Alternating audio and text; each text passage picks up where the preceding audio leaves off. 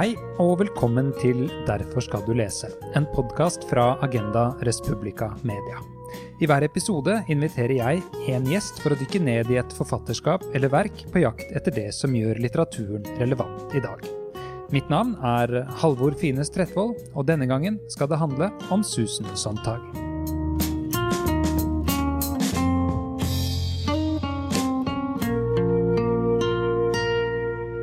Det er veldig fint å ha deg som gjest eh, her i Derfor skal du lese. Kaja Skjerven Målerin, velkommen skal du være. Tusen takk, det var veldig hyggelig å bli invitert. Du, Hvordan står det til med deg nå når uh, Norge og Vest-Europa får man vel si, ser ut til å være over det aller verste i denne omgang, mens dette koronaviruset samtidig fører til stadig mer lidelse i mange andre verdenshjørner, og både epidemien og andre ting også skaper uh, politisk uro mange steder? Uh, ja, jeg syns jo egentlig at uh, denne sommeren har gitt litt uh, mer rom for ettertanke enn en det man fikk sånn rett etter åpningen av i hvert fall det norske samfunnet igjen. Og jeg må jo si at det denne situasjonen egentlig mest av alt har fått meg til å tenke på, har vært hvor lite vi er felles om, selv i en slik situasjon hvor det blir snakket så mye om Eh, at vi bærer sammen og gjør ting for hverandre osv. Fordi eh, selv for de av oss som trodde at uh, dette var et virus som ikke skilte mellom fattig og rik, så viser det seg jo at det gjør det til de grader. Da. Ja. Uh, bare for å introdusere deg litt skikkelig. Du er, er kritiker og kulturkommentator og tidligere redaktør i uh, litteraturtidsskriftet Vinduet, som Er det fortsatt Gyldendal som gir ut det, forresten? Det er det. Ja, og og så har du vært redaksjonsmedlem i Agora, og er også selv forfatter av en rekke bøker, bl.a. om Hans Herbjørnsruds forfatterskap og, og, Jan Erik Volds diktsamling 'Mor Godhjertas glade versjon', ja. Og så, ja, så har du skrevet uh, samtalebok med Vigdis Hjorth. Stopper ikke med en gang, skjønner du. Du har redigert en nei, nei, du har gjort det veldig grundig òg. Ja, ja. Du har redigert en antologi om denne Hanke-debatten sammen mm. med, med, Henning Hagerup. Og, og, så har de gitt ut en essaysamling om fellesskap og tilhørighet, slik det tematiseres i en del uh, forfatterskap som du har sett nærmere på. Og i tillegg, du har skrevet I denne verden en bok om Susan Sontags tenkning, som, um, hvis jeg ikke tar helt feil, også baserte seg på, på doktorgradsavhandlingen din i litteraturvitenskap. Det gjorde den, ja. Mm. Eller det gjør den. Mm. I løpet av de neste ca. tre kvarterene skal vi prøve å beskrive hvorfor og hvordan Sontag kan gi oss en god del å tenke både med og mot. Eh, noe vi kanskje kan ha nytte av denne sommeren i den situasjonen som, som du beskrev, hvor det er tid for eh, litt ettertanke og refleksjon, og, og forhåpentligvis da på en sånn måte at uh, vi kan se noen nye sider ved situasjonen vår. Men før vi kommer så langt, uh, kan du ikke bare fortelle kort hvor du befinner deg akkurat nå? I god smittevernånd gjør vi jo dette opptaket på avstand, noe som forklarer at det er uh, en lydkvalitet som kanskje ikke helt lever opp til sånn studionivå. Ja, altså jeg tilbringer egentlig det meste av sommeren uh, ute på, helt sør på Hurumlandet. Men akkurat i dag er jeg hjemme om leiligheten i Oslo uh, for å vaske klær. Så nå sitter jeg i sofaen og venter på at en vaskemaskin skal bli ferdig. Um, denne lille jakten på den uh, nåtidige relevansen i uh, Sontags tenkning den skal ta utgangspunkt i uh, det siste store essayet hun skrev, denne uh, ganske kompakte, uh, men samtidig perspektivrike 'Regarding the Pain of Others' fra 2003. Samtidig blir det nok også noen små avstikkere til andre verk, vil jeg tro, og jeg har til og med lyst til å starte et annet sted, ja, med et kort nedslag i den andre enden av Sontags forfatterskap, med essayet 'Against Interpretation', som stammer fra debutsamlingen uh, hennes med samme navn, og som kom ut så tidlig som i 1966. Årsaken er jo i og for seg todelt til at jeg vil gjøre det. Det første er at uh, det er noen innsikter der som jeg kan tenke meg at det er greit å ha med seg i lesningen også av, av seinere Sontag-tekster. Men i tillegg så er det en litt mer egoistisk begrunnelse, fordi det hun skriver der om lesing og tolking og tenking rundt uh, kunst og også litteratur, på en måte er relevant for dette lille podkastprosjektet jeg uh, holder på med. For det tar jo også utgangspunkt i at vi eh, nå her i dag, i våre liv og i våre eh, forsøk på å skjønne noe mer av tilværelsen og verden, faktisk får noe ut av å tenke med utgangspunkt i litterære verk. Mm. Kan ikke du si litt om hvordan Sontag ser for seg at uh, dette bør foregå? Ja, altså jeg må bare først si at jeg holder med deg at dette er et veldig viktig essay i Sontags forfatterskap. fordi her har du på mange måter utgangspunktet for Sontags uh, estetikk. og det store prosjektet med det essayet, eller det hun sier at er det viktigste for eh, vestlige mennesker, altså for hun skriver jo primært om den vestlige verden, da, det er eh, altså Formuleringen er 'to recover our senses', altså å helbrede sansene våre. Uh, og det hun mener er at vi lever i en verden hvor man blir bombardert av inntrykk, uh, og at vi, vi blir numne. Uh. Og dermed mister vi også innsikten i tingenes egenart. Og her er det selvfølgelig veldig lett å, å se at dette bare Det er ikke blitt mindre aktuelt, da. Uh, og, og Sontag mener at kunsten i utgangspunktet så kan motvirke denne liksom nummenheten. Uh, hvis vi bare lar den virke fritt i oss, uten å tre forhåndsoppfatninger over den, eller kategorisere eller kontrollere inntrykkene den etterlater i oss. Da, altså at kunsten rent sånn kognitivt kan utvide verden. Altså utvide hva vi ser, hva vi hører, hva vi lukter, altså hva vi sanser da. ikke sant? Samtidig som den har en mer grunnleggende uh, funksjon også, som handler om rett og slett å gi liv. da, altså Vekke et sånt eksistensielt alvor. altså vekke, Gi oss håp, uh, glede, en følelse av sammenheng. da, som, som samlet sett gjør erfaringen mer virkelig for oss. Og Det tror jeg er et veldig viktig anliggende for sånt òg. Dette med å gjøre erfaringen mer virkelig for oss. Og det skal vise seg at det er en sånn tematikk hun forfølger, og som vil også bli viktig i dette 'Regarding the Pain of Others'-essayet. Mm. Ja, vi får prøve å, å, holde oss unna de aller mest sånn skjematiske pappfigurmåtene å, å, lese litteraturen på, også Sontag på, da, for å um, være tro mot det, det prosjektet. Mm. Ok.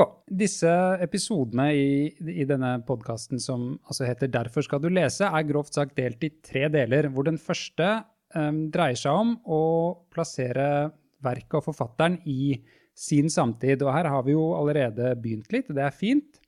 Men formålet med det er jo å prøve å få et slags grep om den uh, opprinnelige konteksten som vedkommende uh, virket innenfor, og, og, som verket også kom ut uh, innenfor. Da. Så derfor vil jeg gjerne spørre deg om hvem Susan Sontag egentlig var. Ja, jeg kan jo starte med å bare si noen veldig sånn korte biografiske risk for å få et sånt inntrykk av, av uh, hvordan hun levde. Uh, hun, er, hun, ble født i 33, samme år som Hitler uh, kommer til makten i, i Tyskland. hun er da amerikanskfødt jøde, men vokste opp i en ganske sånn sekularisert, altså en sekularisert oppvekst. da. Uh, hun vokser opp i Tucson, Arizona, Innlandet. Uh, studerer ved Berkeley, siden Chicago. Uh, så til Oxford, innom Paris og ender i New York tidlig på 60-tallet. da har hun også fått en sønn, og i 63 så debuterer hun med romanen 'The Benefactor'.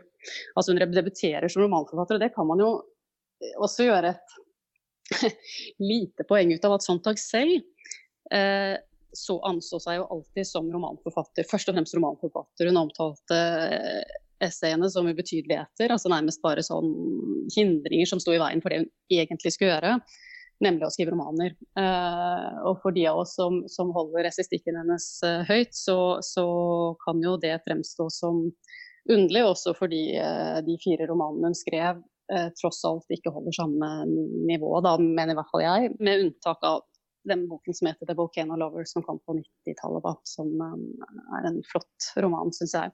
Mm. Men um, da har jeg også antydet noe av det mest særpregede ved Sontag, nemlig at hun var det hun selv omtalte som en ikke-spesialisert forfatter. Altså hun skrev innenfor veldig mange ulike sjangre. Eh, romaner, essistikk, eh, filmmanus, noveller, eh, dramatikk. Eh, hun lagde selv en film.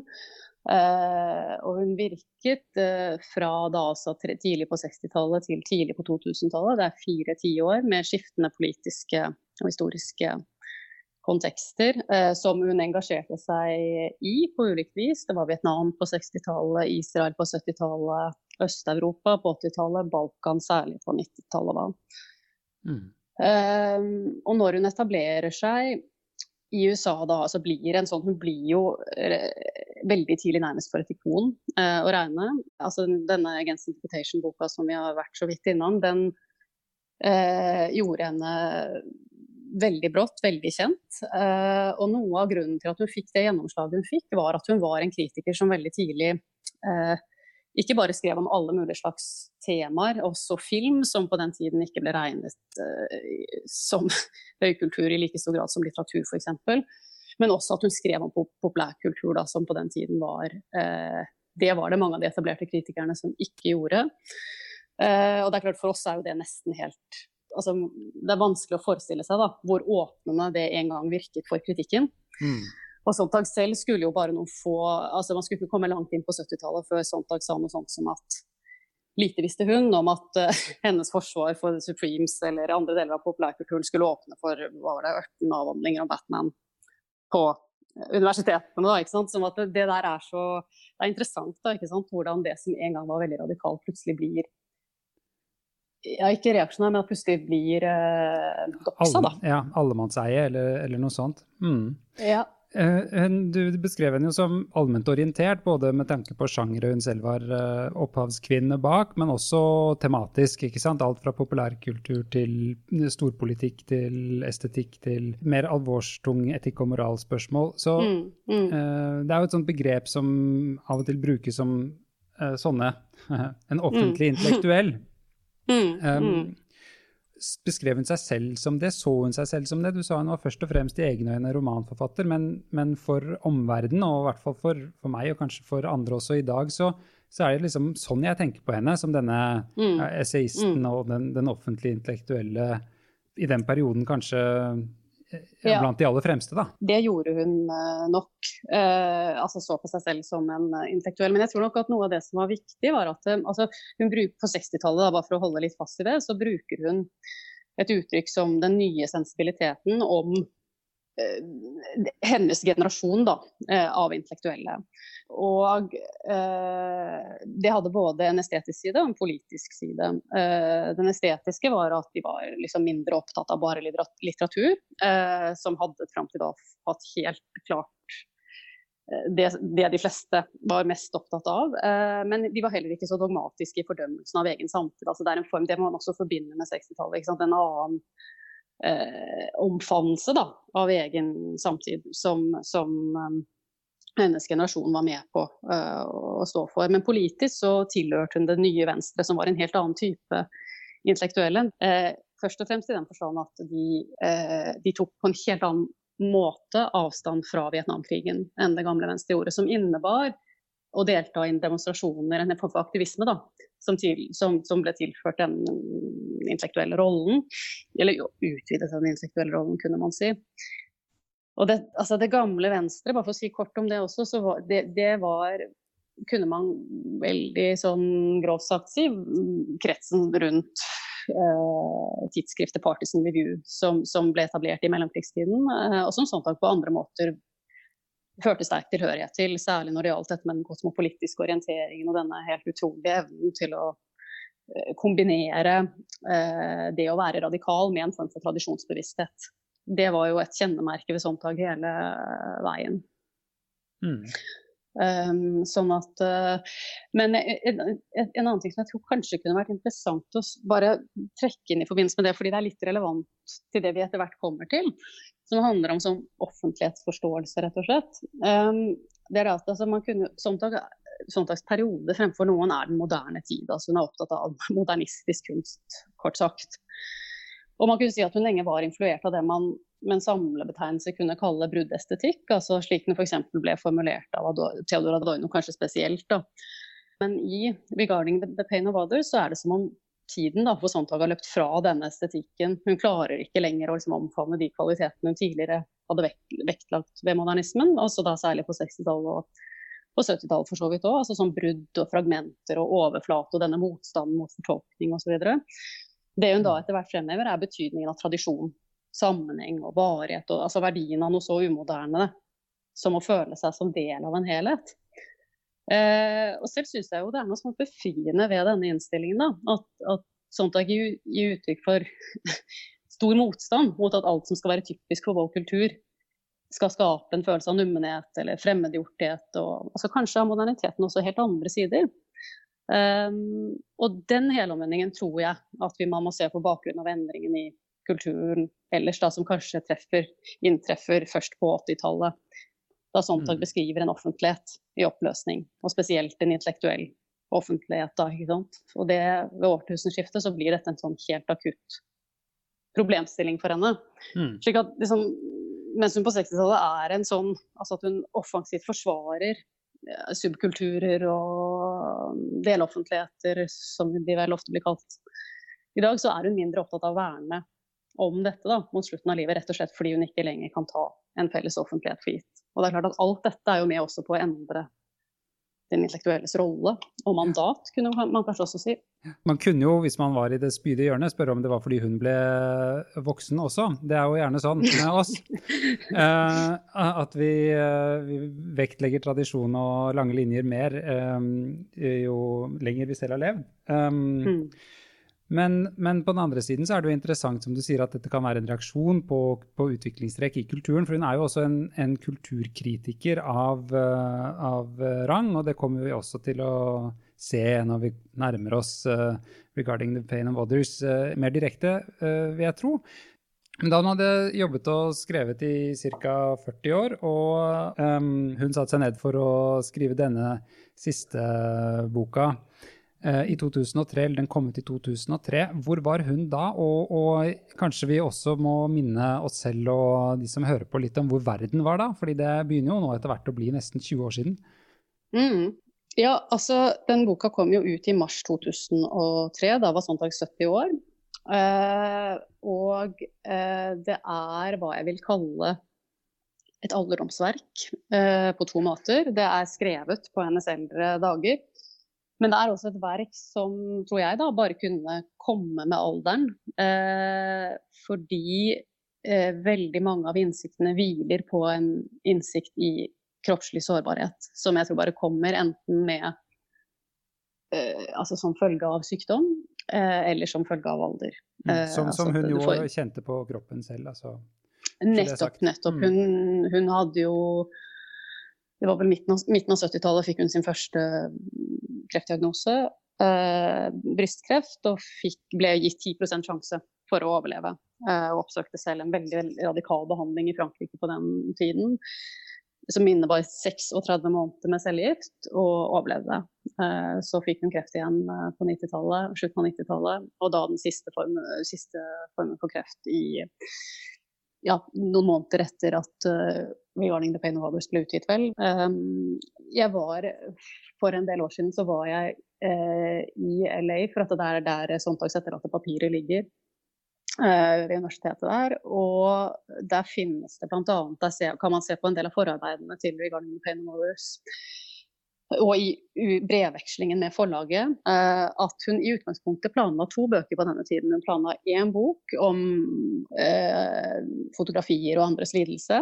og det skulle bli altså En bok om krig og fotografi, og så skulle hun eh, også skrive en bok om sykdom. Og den boken om krig og fotografi ble altså the Pain of Others', og den boken om sykdom rakk hun aldri å skrive. Eh, men man ser at det der eh, sykdomstemaet ligger ganske implisitt i, i, uh, i hele resonnementet som løper i 'Regarding the Pain of Others', fordi hun Altså det er noe med en sånn dødsbevissthet som er veldig til stede uh, i, i, denne boken. Så det er så kort om hvor hun er på dette tidspunktet. verden En annen ting som man også bør si, er at 90-tallet ligger som en viktig bakgrunn for Sontag Altså Denne boken ville aldri blitt skrevet hvis ikke det hadde vært for hennes egne erfaringer i Balkan. Det tar hun selvsagt, så det kan jeg trygt si. Um, uh, hun var jo til og fra, reiste til og fra Sarajevo i mange, i mange omganger. Under Bosnia-krigen, ikke sant? Og under beleiringen av Sarajevo. Mm. Ja, ja. Sånn at den krigen er helt avgjørende for resonnementet. Hun kommer jo flere ganger tilbake til, til denne krigen også i, i boken. Mm. Men det betyr også litt før det. ikke sant? Altså Det er eh, murens fall, det er kommunismens oppløsning, det er Balkankrigen. Eh, og så har du 9-11, som kommer i altså 2000, et par år før SE kommer ut. Med alt hva det innebar av konsekvenser med Afghanistan og Irak og krigen mot terror. Ja, hvis jeg ikke tar helt feil, så, så, hvis denne boka kom da i mars 2003, så må det ha vært omtrent uh, parallelt med uh, at krigshandlingene overfor Irak begynte, da. I, ikke sant. Og det er jo, kan jo skyte inn det altså jeg, tror, jeg er ganske sikker på jeg ikke nevner det, men, for det må jo ha vært uh, altfor altså Der må timingen ha vært for dårlig. Men det er jo interessant at de da går til krig på bakgrunn av disse helt altså disse tvilsomme nettopp bildene. Ja, det er eh, han Powell som sitter i Sikkerhetsrådet og peker på noen plansjer og, og forklarer, ikke sant? Det er, den, ikke sant? Det er eh, fotogra mm. fotografisk, såkalt fotografisk bevis. Mm. Nå nærmer vi oss veldig at, innholdet i uh, Regarding ja, the Pain. Og det passer bra nå å hoppe over til den andre delen av episoden, som skal, uh, skal handle om nettopp det verket vi har foran oss, og mer konkret hva som ligger i det. Vi kan jo i og for seg eh, godt begynne med um, det særpreget hun tenker seg at fotografiet har som sjanger. Så du var så vidt inne på det, denne kvaliteten med fotografi som er at det er noe Vi tenker på det som noe mer dokumentarisk og bevisaktig da, enn andre former for avbildninger, f.eks. Så det er jo ett trekk mm. ved fotografiet, og så nevner hun jo flere andre også. Ja, altså det er jo flere ting som, som man også på en måte kresser inn litt indirekte. ikke sant? Altså at um, det ene er den virkelighetsnærheten eh, det har i kraft av å altså hun, hun, tegner jo en historisk utvikling her også, ikke sant? dette med at det overtar for, eh, for maleriet på slutten av 1800-tallet som den mest virkelighetsnære, eller virkelighetstro avbildende kunsten. da. Um, og, og, en del av resonnementet hennes er vel nettopp det at til slutt så ender man opp med å tro at det er det eneste virkelige. Altså at, du ser, at du glemmer at, at, det er et utsnitt. Um, og det er hun jo i det hele tatt veldig opptatt av i, i særlig 'Regarding the Pen of Others'. Uh, det, altså dette med kontekstens betydning. Mm. Altså viktigheten av å, av, av å kjenne konkretene. Da. Altså hvem er, det, hvem er på bildet, når er det tatt, hvor er vi, hva ser vi ikke? Altså alle disse spørsmålene som en gang man begynner å tenke over, så er det jo veldig sjelden man kjenner til alt dette når man ser et bilde selv om man innbiller seg at man gjør det. Det er f.eks. slående hvordan hun beskriver mange eksempler gjennom krigsfotografiets historie. Uh, og mm. mange av de mest kjente bildene, egentlig helt fram til godt ut i etterkrigstiden, så er mange av de mest kjente bildene, sier hun da, enten mm. omspunnet med en viss tvil eller beviselig uh, tablåer mm. som er på en måte stilt opp da, for, at, uh, for fotografen. Hun nevner bl.a. et ganske kjent bilde fra mm, spanske borgerkrigen med en kvinne som ser tilsynelatende bekymret opp mot himmelen. Og så, og så, sier hun at dette bildet har man ofte trodd at, at, eh, altså at hun hører fly.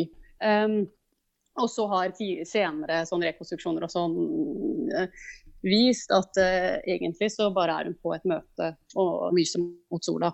Altså mm. hvordan bildet endrer totalt betydning uh, av de to ulike kontekstene. da.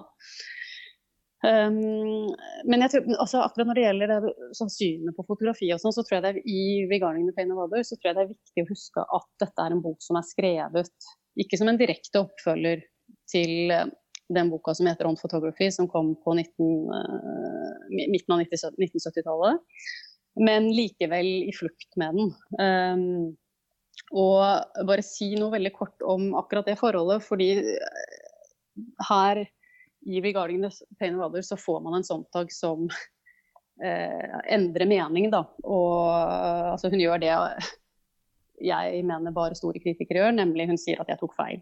Um, for at, altså Grunntanken i On Photography eh, det er jo etter hvert blitt en allmenn innsikt, og sånn er det jo med et par av sånn slags eh, Eh, betraktninger. Eh, og denne innsikten dette er at eh, fotografiet nå er en så viktig del av vår kultur, og at den er bestemmende for hvordan vi erfarer verden. Og I den boka så mente hun at vi er blitt som fangene i Platons hule. Altså at de ser, disse fangene de ser skyggebilder, og det de opplever som virkelig, er egentlig bare et gjenskinn av virkeligheten. Mm. Altså det Platon kaller ideenes verden. Mm, og at fotografiet, mener, mener Sontag, da, har bidratt til at forholdet mellom verden og avbildningen er snudd på hodet. Eh, altså vi opplever ikke fotografiet som en reproduksjon av virkeligheten. Nå er det bildene som gjør verden virkelig. Mm. Eh, og samtidig så legger bildene et uvirkelighetens slør over verden fordi de har en begrenset sjokkeffekt. Eh, så mot slutten av One Photography så tar Sontag til orde for det hun kaller en billedøkologi. Eh, på norsk, da, eller an ecology of images er vel Hva skulle ligge i det, da? Altså at man skal røkte og tenke på at det ikke bør være for mange? Altså at man f.eks. Ja, i mediene ja. ikke bør kjøre på med flere bilder ustanselig, men, ja. men at det bør være mer omtanke bak hvert bilde, da? Ja, men også så ligger det noe unnskyldende i det om, sånn på vegne av betrakteren. ikke sant? Altså, mm. Det er ikke oss det er noe galt med, men bildene, Skjønner. som det altså er for mange av. ikke sant? Mm. Vi kan ikke gjøre noe for at vi, altså, vi kan ikke noe for at vi reagerer som vi gjør, og at vi ikke mm. føler sjokk for hvert grusomme bilde. ikke sant? For når trykket utenfra, utenfra blir for stort, så beskytter vi oss automatisk. Det er sånn det er å være menneske i den moderne verden. Altså, Vi kan ikke ta inn alt, da går vi under. Ja. Det er jo litt sånn resonnementet der. Uh, men i 'Regarding the Pain of Others' så er det sånn at mindre villig til å akseptere disse forestillingene. Uh, og hun slutter å ta for gitt at vi i det hele tatt ønsker å forholde oss til bildene. Uh, det tror jeg også er en viktig uh, side med den boken. At, at hun kretser jo inn det litt sånn ubehagelige for den enkelte. ikke sant? Altså, vil man egentlig vite om all lidelsen som finnes der ute, og hva det kan ha konsekvenser for ditt liv hvis man først engasjerer seg i den osv. Mm. Um, sånn at uh, apropos against interpretation her, uh, gjør hun jo, uh, kommer hun jo med en ganske altså Jeg vil jo si at det psykoanalytiske vokabularet er, er snublende nær i denne boken. Mm. Jeg syns det er en sånn interessant utvikling som du peker på mellom de to bøkene, men jeg syns jo også at denne siste eh, boka, altså 'Regarding the Pain of Mothers', har jo også på en måte eh, spenninger i seg mellom ulike syn på disse spørsmålene. Mm. Um, hun identifiserer f.eks. Uh, eh, det slående i at så mange, etter at de har opplevd uh, store dramatiske uh, hendelser på nært hold, sier det var som på film. Sånn mm. at til og med når man skal beskrive virkeligheten, når den blir dramatisk og nok, så er det det vokabularet man, man tyr til. da. Um, som bare som et eksempel, eller uh, også på en måte kritikken um, hun begynner med, som jeg tenkte vi skulle bruke litt tid på, som også er, uh, er, interessant, fordi den rammer inn på en måte hele boka, er en lesning av dette essayet til Virginia Woolf um, fra nettopp den spanske borgerkrigen, hvor mm. hun også reagerer på fotografier fra den tiden og sier noe sånt som at enhver som ser disse bildene, må jo uh, vende seg vekk fra krigen og skjønne krigens råskap. ikke sant? Og så sier mm. Ja, du kan jo, du kan jo gjengi det mye mer presis enn meg, sannsynligvis. Nei, nei, men det er jo helt, det er jo helt riktig det du sier. Altså, det, er, det, er, så mange ting med denne relasjonen mellom Wolf og, og Sontag som er uh, interessant. fordi at det, altså I dette essayet til Viginis, som fikk en veldig ublid mottakelse, i sin tid, det kom i 38, er et av Bos største og fineste essays, spør du meg.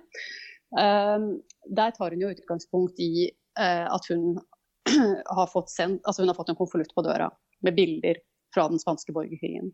Av, og, og, den spanske borgerkrigen er viktig i Sontags bok fordi at den spanske borgerkrigen var den første krigen som formet, hvor bildene fra den begynte å forme folks bevissthet. Mm. Også fordi man, man, der for første gang kunne ta med seg et litt lettere fotografiapparat ut i eh, felt. Altså mange av de nettopp.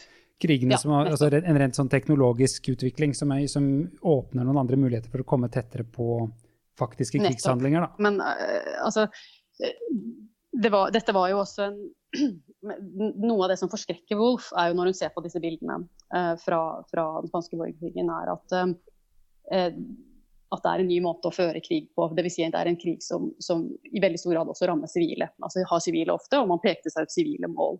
Uh, så skriver, altså Essayet til Wolf tar form som et brev. Hun skriver til en fiktiv mannlig advokat. Kanskje, kanskje ikke er det fiktivt, det vet man jo ikke helt, det er ikke så viktig. Men, men og, og, hun tar utgangspunkt i at uh, menn og kvinner Hvordan kan menn og kvinner enes om noe som gjelder krig, når det i så stor grad er menn som driver krigen frem da. Så her har vi så ulike interesser og så ulike syn på alt mulig at, at vi, kan vel, vi, kan vel, aldri komme fram til noen felles forståelse av dette.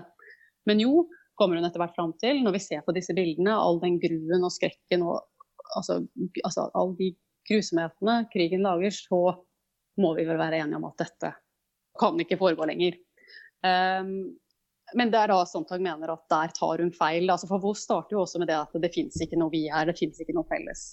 Men kommer fram til at det likevel gjør det. Og så sier Sontag den kanskje en av de mest minneverdige formuleringene fra essay, hvor hun sier noe sånt som at, at når det gjelder andres lidelse, kan Når det gjelder å betrakte andres lidelse, kan vi ikke ta noe vi får gitt. Man kan også kanskje um, si at det vi Wolf kommer fram til, er et um, Ja, hun har på en måte overskredet kjønnsdimensjonen og forskjellen mellom menn og kvinners perspektiv på krig, men så har hun på en måte gått inn i en, et ganske klassespesifikt uh, syn. da. Altså Det er jo to privilegerte i anførselstegn, eller kanskje også uten anførselstegn, folk som sitter og skriver brev til hverandre. Og i en Absolutt. litt sånn større perspektiv så blir jo de representanter på en måte for blikket fra f.eks. Trygge Norge på mm, lidelse og krig mm. andre steder. Ja, og en annen ting som Sontag også påpeker, altså, mm, fordi det, når, sånt, nei, da har gjort dette poenget ut av at dette var den første altså, med sivile ofre osv., at denne måten å føre krig på er, er, er, ny og brutal, så gjør jo Sontag et poeng ut av at jo, men den samme måten å føre krig på førte den gang general Franco eh, i Marokko. Men da var det kolonibefolkning som var ofre, og ikke så spansk sivilbefolkning. Eh, og det hun gjør et poeng ut av det, det var mye lettere for den engelske intelligensen å relatere seg til enn den marokkanske eh, kolonibefolkningen. Eh, slik at det, det er, altså, Å ikke ta høyde for de sidene ved det hele, er jo, det er jo ikke ta høyde for politikken. Så, det, det er, det er sånn, så jeg syns at Sontags lesning av Wolf, som hun helt tydelig også finner en alliert i, eh, også med tanke på mm. slående likheter eh, her, at dette er også for Wolfs del mm. det siste store verket hun gjør. Eh, altså, det er å få både Sontag og Wolf, begge sitter i bøyde over krigsbilder, begge har de en lang og tung sykdomshistorie. Eh, begge dør de kort etter å ha skrevet dette. Så mm. de er veldig sånn intimt forbundet på måter som, som, man selvfølgelig bare i ettertid kan se, og som, ikke, og som var tilfeldig da, i den forstand. Men den opptattheten av lidelse, død, sykdom, sårbarheten eh, i menneskelivet, den, den, er jo ikke tilfeldig. altså Den felles opptattheten av det. Men til tross for det, da, at sant, hun finner en alliert i Wolf, men, men hun er men også synes det er en skarp analyse av det essayet, som også er den eneste måten å ta det på alvor på. Ikke sant. Uh, vi har snakket litt om, om det sånn spesifikke som går på utviklingen av krigsfotografiet, men denne boka handler jo også mye om eh, betingelsene for at vi skal bry oss om andres lidelse. Og om de tilbøyelighetene vi har til å vende oss vekk, eh, eller til å se med en sånn blanding av avsky og fascinasjon på uh, på det som skjer av forferdelige ting andre steder i verden. Uh, Som legger jo ikke noe imellom på også hva skal man si, bore i motivene til den som betrakter, og til å spørre mm. hva slags innstilling er det vi som betraktere bør møte det faktum at lidelse i verden finnes eh, med. da. Mm. Si litt om hvordan Sontag, hva hun kommer på en måte fram til, altså hva hun tenker at det er um, en, en mulig vei i dette? Ja, altså, nå tror jeg vi er ved et punkt som, som er et, dette er et uløst problem på sånt dag, rett og slett. Uh, det, at, altså det, det, som gjelder forholdet mellom tenkning uh, og handling. Um, på den ene siden så er hun veldig skeptisk til at man bare skal sitte og tenke og føle med og sympatisere. Og nære en form for forakt for de som faktisk er ute i felten og, og, og tar disse bildene som man siden kritiserer for, for å være eh, nærgående eller for mange av dem, eller ikke mulig å forholde seg til osv. Mm. Men på den andre siden så er hun jo selv en tenkende person, og hun spør vel også eh, Hun sier vel rett ut på et tidspunkt at, at, eh, at det er ikke noe galt i å, sette, å, å trekke seg tilbake og tenke over tingenes tilstand. At den som tenker, slår ikke, eller noe sånt. Altså det, er, det er vel en mer eller mindre Mm. Hun har også et, ja. Ja, hun har også et, et, interessant sitat som jeg tenkte jeg skulle ta, som handler om det som man jo kunne tro at var en, den eh, rette innstillingen å, å møte verdens uh, lidelse med, nemlig sympati. Uh, men mm. det er også for enkelt, sier hun, og så, og så fortsetter det da på engelsk i sitatsform her. Our sympathy proclaims our innocence as well as our impotence. To that extent, it can be, for all our good intentions, an impertinent, if not an inappropriate response. To set mm. aside the sympathy we extend to others beset by war and murderous politics for a reflection on how our privileges are located on the same map as their suffering, and may, in ways we might prefer not to imagine, be linked to mm. their suffering, as the wealth of some may imply the destitution of others. Is a task for which the painful, stirring images supply only an initial spark. Altså, bildet kan bare være en gnist, men det er dette Mm. Uh, ja, og, og, den sympatien kan bare være liksom det første steget da, på en refleksjonsprosess. Hun mener at liksom, det er sånn jeg tolker det i hvert fall, må ligge i forlengelsen ja, ja. av det. Altså, dette tror jeg er sånn en av kanskje den aller viktigste passasjen i, i denne boka. Uh, fordi at det hun altså, og jeg at, at Når det gjelder dette med sympati, så sier hun to ulike ting. Det ene hun sier, er at uh, det er veldig lett å si, seg, å si overbevise seg selv om at så lenge man føler sympati, så man, gjør man i hvert fall det. Da, hva annet kan man gjøre enn bare å føle med? Uh, at det ligger en form for selvtilfredshet i det hos den enkelte. At man bare ja, man slår seg til ro da, med det å bare føle sympati. Og det andre er nettopp konsekvensen av det, som er en form for politisk lammelse. Eller kan bli en form for politisk lammelse, fordi, fordi det ikke egentlig fører til noen handling. Og det hun etterlyser til slutt der, er jo en form for sånn Eh, det er jo å se altså rikdom og fattigdom som eh, altså Det er jo ikke isolerte størrelser. Det befinner seg nettopp på samme kart, som, mm. hun, som hun, sier. ikke sant? Altså at, eh, som innebærer at noens rikdom eh, står i relasjon til andres fattigdom. Eh, mm. Hun styrer på en måte klar av, av, den, uh, altså av å si uh, det helt sånn uh, skjematisk og ideologisk styrt, at det er alltid sånn at Eh, det ene henger sammen med det andre, men hun åpner opp på en måte for, eller krever nærmest av oss, at vi skal begynne å tenke på hvilke måter er det at disse tingene kan henge sammen. Altså vår, våre mm. privilegier, andres lidelse, noens rikdom, andres fattigdom osv.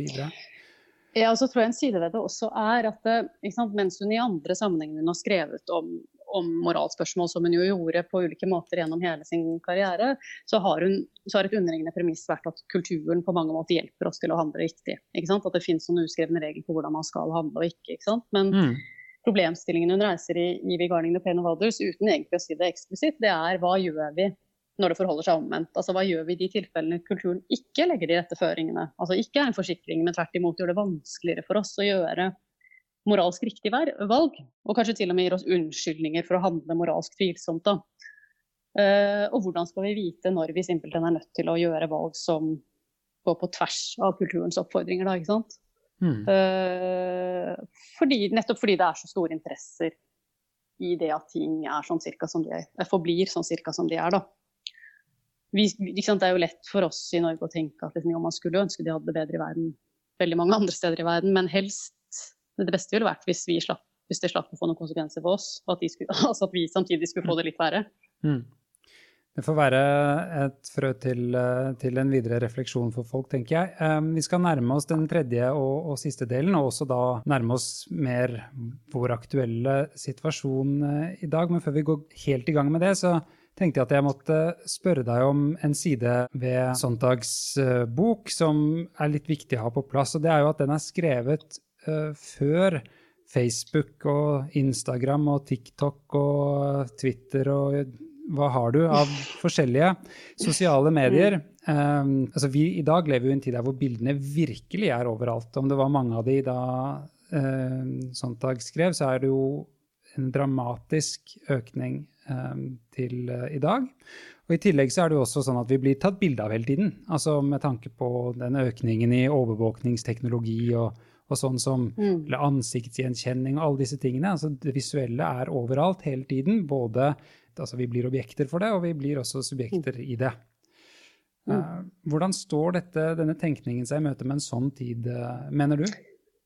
Altså På noen måter så har jo dette helt åpenbart uh, eskalert. altså Boken til Sontag ble vel utgitt året før, ett år før Facebook ble grunnlagt. Uh, og hun forholder seg jo til TV, altså direktesendt TV som det fremste nyhetsmediet. Ikke sant? Uh, men um, altså det blir jo ofte sagt dette med at vi lever i en offentlighet som er mer fragmentert enn noen gang. og Så selv er jeg ikke sikker på om vi egentlig opplever medietrykket så veldig annerledes enn tidligere tiders uh, mennesker. Jeg tror at medievirkeligheten alltid har virket overveldende på ulike samtider, at det er medienes karakter uh, å gjøre.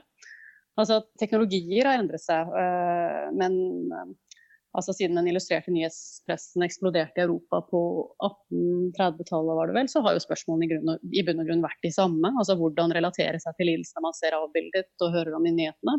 Mm. Når historiene er så mange, og når de aldri tar slutt. Da. Og denne formen for modernitetskritikk, det, altså det vil jo Sontag selv også si, er, den er like gammel som moderniteten selv. Altså jeg tror det er mot slutten av Pain of Others at hun nevner um, forordet til den boka som heter 'Lyrical Ballad', som ble utgitt i 18, år 1800.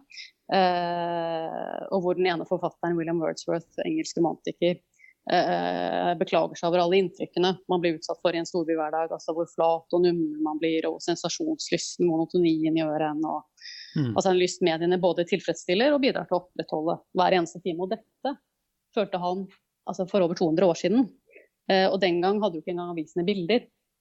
Som at jeg, jeg, tror liksom at selve det fenomenet Sontag beskriver, sånn uavhengig av at teknologiene endrer seg og, og, blir mer dominerende, så tror jeg at selve resonnementet likevel mm, gjelder, da. Mm. Uh, og at kanskje noe av det som er mer interessant å diskutere i forhold til uh, vår tid, er jo mer sånn at det som uh, i 1984 og, og liksom altså tenker Foucaults analyse av dette panoptikon tidlig på altså at Veldig mange av de tingene som en, altså Nå tenker jeg på dette fengselsbildet. Husker du hva jeg mener? Denne fengselsbetjenten som, som har oversikt over jeg vet hva du mener godt, hva du mener, at det er et tårn i midten, og så er alle cellene på en måte vendt inn mot dette tårnet i en sirkel rundt. og Det betyr at man fra dette ene punktet kan ha kontroll på alle fangene i alle cellene som da finnes rundt her. Det er på en måte det panoptikon-bildet som, som Foucault bruker da. Ikke sant? Det bildet er jo på mange måter et bilde på hvordan vi forholder oss til telefonen. ikke sant? Mm, ja. Forskjellen er bare det at vi nå frivillig og den, og den fengselsbetjenten sitter inne i telefonen og stirrer på oss. Nettopp. Og at vi med glede liksom Å, herlig ansiktsgjenkjennelse, en ny funksjon, mm. liksom. Mm. Og så er det jo egentlig bare en ny uh, sånn turn of the screw i, mm. i kontroll. Ja. Uh, sånn at det Ja, så jeg tror det er sider som er mer interessant egentlig å diskutere enn en, en, en om vår tid er så veldig annerledes. For det tror jeg egentlig er noe vi gjør feil i ofte å tenke at Eller alle gjør Til alle tider har man kanskje gjort det, tenker at, man, at ens egen tid er så veldig spesiell. Men ofte er den jo egentlig ikke det. Om noe så kan man jo kanskje tenke seg at det er flere som får en um, Som blir, hva skal man si, litterate på det visuelle, da. Og, og på det mm. med fotografiet som sjanger. Ikke sant? Altså, alle som har en Instagram-konto, vet på en måte forskjellen mellom. Et stilisert og et ikke-stilisert bilde. Vet mm. uh, forskjellen på før og etter filter, vet forskjellen på styling mm. og ikke-styling, holdt jeg på å si. Ja. Sånn at uh, uh, det er kanskje det, det kan være noe der. Men OK. Vi, jeg tenkte egentlig, når vi skulle snakke om relevansen i dag, at vi skulle prøve en annen inngang til det. og det var nemlig å tenke litt høyt om betydningen som, som, både bilder og tolkninger av, av, bilder har hatt for hvordan vi forholder oss til to av de store hendelsene som preger sommeren 2020. Nemlig eh, koronakrisen på den ene siden og, og disse protestene eh, mot eh, politivold og rasisme som har fulgt i kjølvannet av, av, drapet på George Floyd i Minneapolis på den andre. Mm. Um, har du noen refleksjoner om det? Både denne politidrapepisoden og, og koronapandemien aktualiserer til de grader spørsmål som har å gjøre med uh, vie. Hvem er vie? Hvem taler man, snakker man på vegne av? Hvem har lov til å Hvem kan bruke ordet vi, uh, og hvem snakker man da på vegne av? Og også det der helt tydelig at, at et fellesskap har er et fellesskap fordi noen er utenfor det også. Eh? Altså at eh, fellesskapets grenser blir like mye aktualisert i dette som, som hva fellesskapet rommer. Da.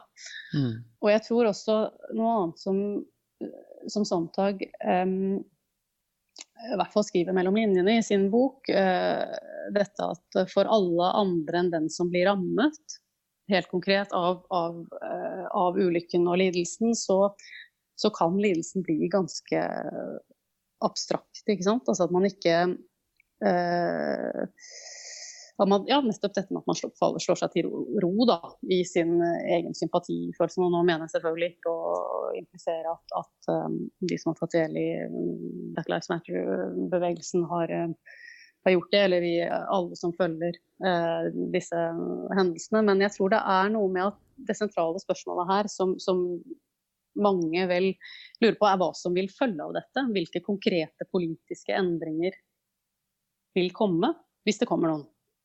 Mm. Eh, det tror jeg jo er um, Altså mm, Ja, jeg vet ikke hva du tenker. Nei, um, jeg syns det er, som du var inne på, noe interessant knyttet til dette med et vi. Uh, sånn jeg ser det, så pågår det um, en rekke kamper om, om definisjonene av, av viene eller i, i, de vestlige samfunnene for tiden. Og, og, kanskje vel så sentralt akkurat nå er jo hvem, hvem vil inn i det store vi-et? Hvem føler at de er blitt ekskludert fra det store vi-et? Og, mm. og hvem uh, forsøker å holde noen ute fra, fra de fellesskapene eller viene vi snakker om. Da, hvis man ser litt sånn historisk på det, så har jo mye framskritt i mange vestlige samfunn handlet om å slippe nye grupper inn i det definerende vi-et, på en måte. Ikke sant? Det har vært snakk mm, om mm. kvinner eller, uh, eller, arbeiderklassen eller andre grupper som har stått på utsiden og banket på dørene og, og, um, og krevd sin plass på innsiden av det vi-et, som mm. definerer og er på en måte det kulturbærende. da. Mm. Um, og det ser vi vel kanskje nå også, at det, det, er en del av den kampen som nå pågår, om, om det er nye grupper som skal uh, inn. Og så er det en erkjennelse i andre enden av det, av at det er en uh, prosess som aldri er kostnadsfri for noen. Og heller ikke altså Hvis man skal slippe inn noen nye grupper i det store vi-et, det kulturbærende vi-et, så vil det måtte endre karakter. ikke sant? Det vil nødvendigvis bli et annet vi etterpå. Det er jo én side ved det. Og den andre siden ved det, eller en annen side ved det, er jo at, at det å bli en del av et større vi for mange, og dette kan man jo kjenne på selv i, i mindre sammenhenger, eh, så er det noe med det at man, man ønsker å bli del av et større vis, men uten å miste eget særpreg. Da, At man ikke vil bli slukt av det store viet, men faktisk ivareta mm. det som definerer eh, en selv. Også fordi at det er en styrke å ikke være Dette vil jo Wolf eh, ikke minst være, være enig i. Eh, altså det, det, at det er en styrke å stå på utsiden av det store vi også, fordi at da at den utsideposisjonen gir deg en, eh, en annen evne til å skille mellom rett og galt, fordi du ikke er like sånn At den der assimileringen gjør at du også at du bare gjør ting, forholder deg til ting som doksa, da. At du bare mm. gjør ting som, som, som, fellesskapet er blitt enige om at det er riktig, uten egentlig å eh, tenke over Altså, du kan si at blindsonene dine blir større jo nærmere kulturens smitte du er. Mm.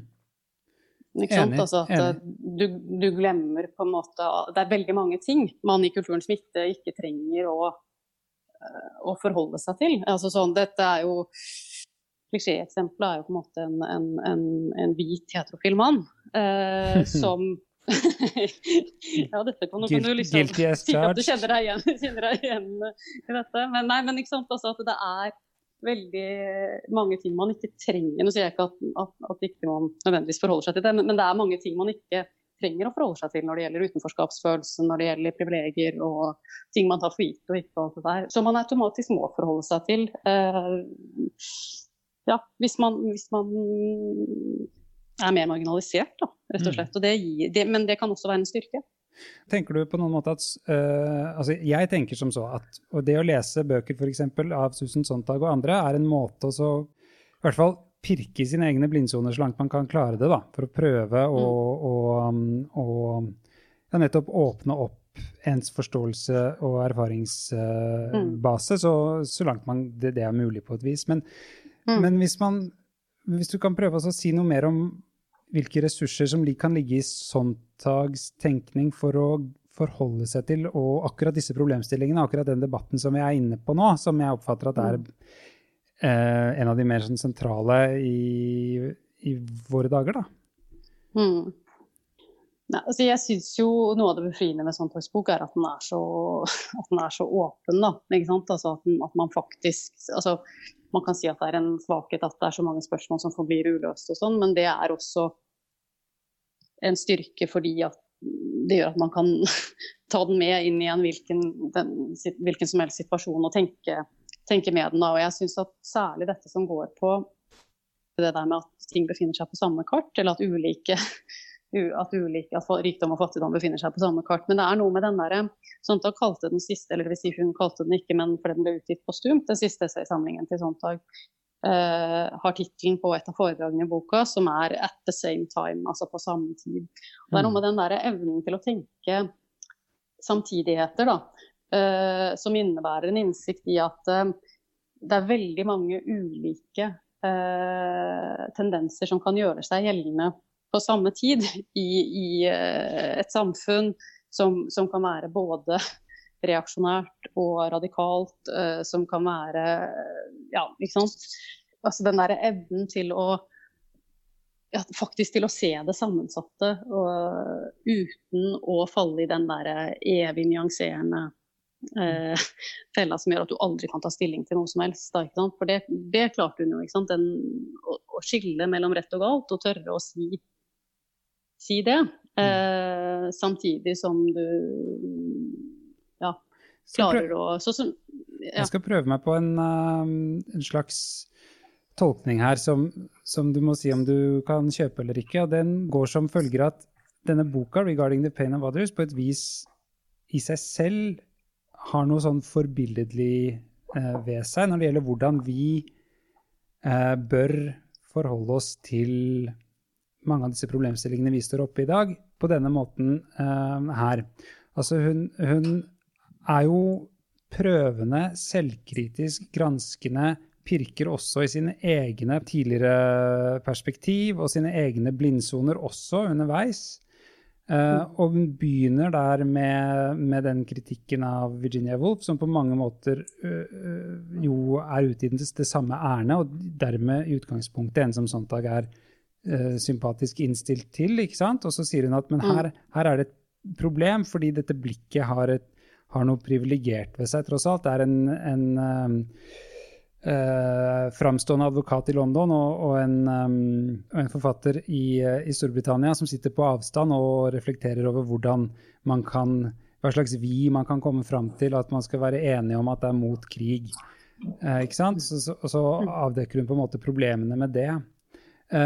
og så er det hun til slutt da liksom kommer fram til, og som jeg syns er det forbilledlige, og det vi må prøve på og håpe på å kunne ta med oss, det er det at akkurat som bildene blir en gnist til uh, en refleksjon over hvordan noens uh, lidelse er knyttet til noen andres privilegier, så må liksom også bildene som, som, som, skjer nå, da, kunne stimulere oss til en tilsvarende uh, refleksjon over hvordan vi finnes på det samme kartet. Hvordan det er mm. forbindelseslinjer. Um, og hvis man tenker om det på den måten, så blir det måte, da blir det, da blir det prinsipielt mulig, men ganske vanskelig, men prinsipielt mulig, å ta inn de reelle erfaringene som finnes der ute, på tvers av ulike forskjeller. Og det tenker jeg at man må liksom håpe på at det kan gå an. da. Og, selv om man ikke i detalj kan vite hvordan det er å være et annet menneske, så kan man forsøksvis leve seg inn i det. Og det må vi nesten håpe på at, at det er mulig for at vi også skal kunne komme fram til endringer som faktisk betyr endring til det bedre. Mm. Ja, absolutt, det føler jeg deg i. Også I tillegg så tror jeg at eh, man kanskje også Det ligger jo en, en, en innsikt i Sontags bok som handler om denne opptattheten av det partikulære. At, at uh, vi lever disse livene vi lever som, som er bare altså, Det er grenser for hvor nær hverandre vi kan komme, og det er også grenser for hvor mye vi kan forstå av av den, av den andre. Altså, det er jo noe et eller annet med det derre evige snakket om, om, om, forsoning og forståelse og alt dette som vi selvfølgelig skal ha med oss. Men altså, det kan også ligge en form for falskhet i det, nettopp fordi at forståelsen har noen, har noen grenser. da. Nå tenker jeg på den siste scenen i 'Regarding the Pain of Others', hvor, husker du hvor hun skriver om dette Jeff Wall-bildet. Om Mm. bildene eh, om, om altså fra altså soldatene fra eh, Afghanistan-krigen? I, I 79, var det ikke det? Ja, vi, vi sier bare det. At det var, men altså, dette er fra, den, fra Sovjetunionens invasjon i, i uh, Afghanistan. Så den Afghanistan-krigen. eh, ikke sant? Nettopp. ikke sant? Mm, ikke sant? Nettopp den ja. Afghanistanskrigen, som Ja. selvfølgelig på en måte har, når hun skriver gjenklang i på en måte USAs Ja. Afghanistan-krig, men hvor hun sier noe sånt som at, at, at de soldatene som ser det der at ikke de møter blikket hennes, og at eh, eller betrakterens blikk, da, og at det er de som gjør det, at, at det de sier, innbiller hun seg, er at dere kan ikke forstå hvor, hvor forferdelig krig er. Og så sier hun noe sånt til slutt som at og de har rett, det går ikke an å forstå det. Måte, sant? Som jo også Mhm. er en innsikt i, i? Det ligger en form for respekt i det også, ikke sant? Altså at det er um, ja, en anerkjennelse av at erfaringer også er dypt individuelle.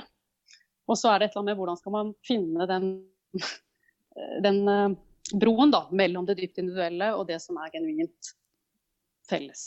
Som, som skaper bro og, tilknytning og tilhørighet mellom mennesker. Eh, og det er jo spørsmål mennesker har holdt på med siden tidens begynnelse. Mm. I det spennet der så syns jeg det passer greit å, å stoppe. Jeg. Det er i hvert fall en spore til, eh, til videre tenkning. Altså på den ene siden eh, ønsket om å kunne nå fram gjennom en iherdig innsats, riktignok, til å finne liksom en, en basis for den, denne sympatien, og på den andre siden da potensielle umulig å, å overskride de forskjellene. Ok. Eh, da vil jeg gjerne takke deg, Kaja Skjerven Vålerin, for å ha blitt med på denne praten om eh, Susan Sontag og hennes bok 'Regarding the Pain of Others' fra 2003. Takk også til dere som har hørt på. Gi gjerne en tilbakemelding i Apples podkast-app, på Spotify eller hvor du nå enn lytter til podkast. Derfor skal du lese tar en liten sensommerpause nå, men vi er tilbake igjen i slutten av august. Jeg heter Halvor Fine Stretvold og håper disse siste sommerukene byr på en eneste lang rekke stimulerende leseopplevelser for dere alle.